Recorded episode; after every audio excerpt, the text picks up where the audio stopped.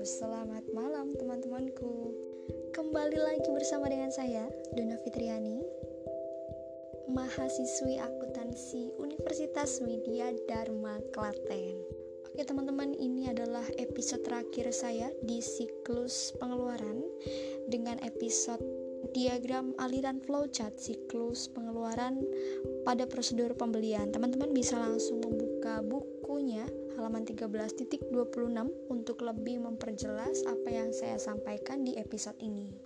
Tanpa perlu berlama-lama lagi, langsung saja ini dia rekaman saya, podcast saya mengenai diagram aliran flowchart siklus pengeluaran pada prosedur pembelian.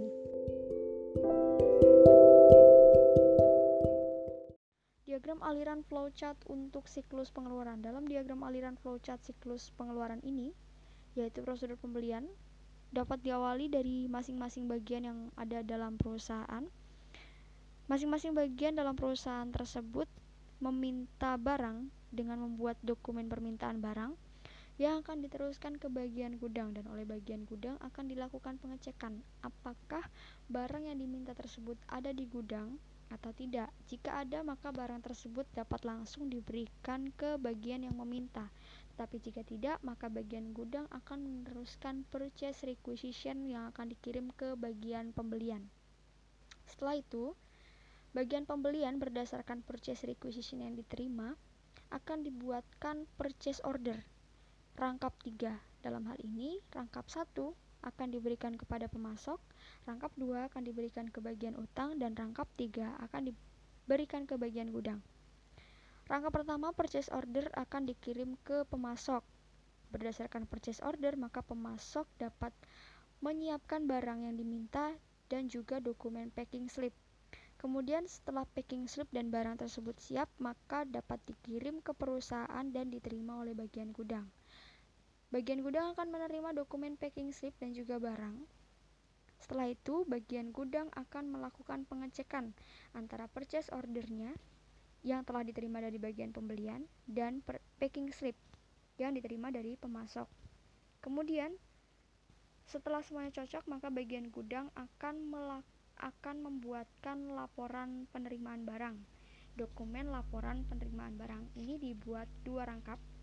Rangkap yang pertama akan diberikan kepada pemasok sebagai bentuk e, penerimaan barang atau bukti penerimaan barang. Setelah itu, rangkap kedua akan diteruskan ke bagian utang. Pada bagian utang telah menerima purchase order rangkap 2 atau rangkap yang kedua ke dari bagian pembelian dan juga menerima laporan penerimaan barang dari gudang. Setelah itu oleh bagian utang akan melakukan pengecekan antara dua barang tersebut antara laporan penerimaan barang dengan purchase ordernya. Setelah itu Bagian utang akan menerima invoice yang berasal dari pemasok, di mana pemasok pada saat membuatkan invoice juga pasti telah menerima laporan penerimaan barang dari pemasok. Jika sudah, maka bagian utang dapat melakukan pembayaran kepada pemasok. Oke, teman-teman, itu tadi adalah rangkaian akhir dari siklus pengeluaran, yaitu flowchart siklus pengeluaran. Baik, teman-teman, Pastinya di next kesempatan Dona akan menyampaikan beberapa siklus pokok yang lainnya dalam sistem informasi akuntansi. Ditunggu ya teman-teman. Sekali lagi saya mohon kritik dan sarannya untuk teman-teman semua melalui chat yang ada di WhatsApp ataupun Telegram Dona Fitriani.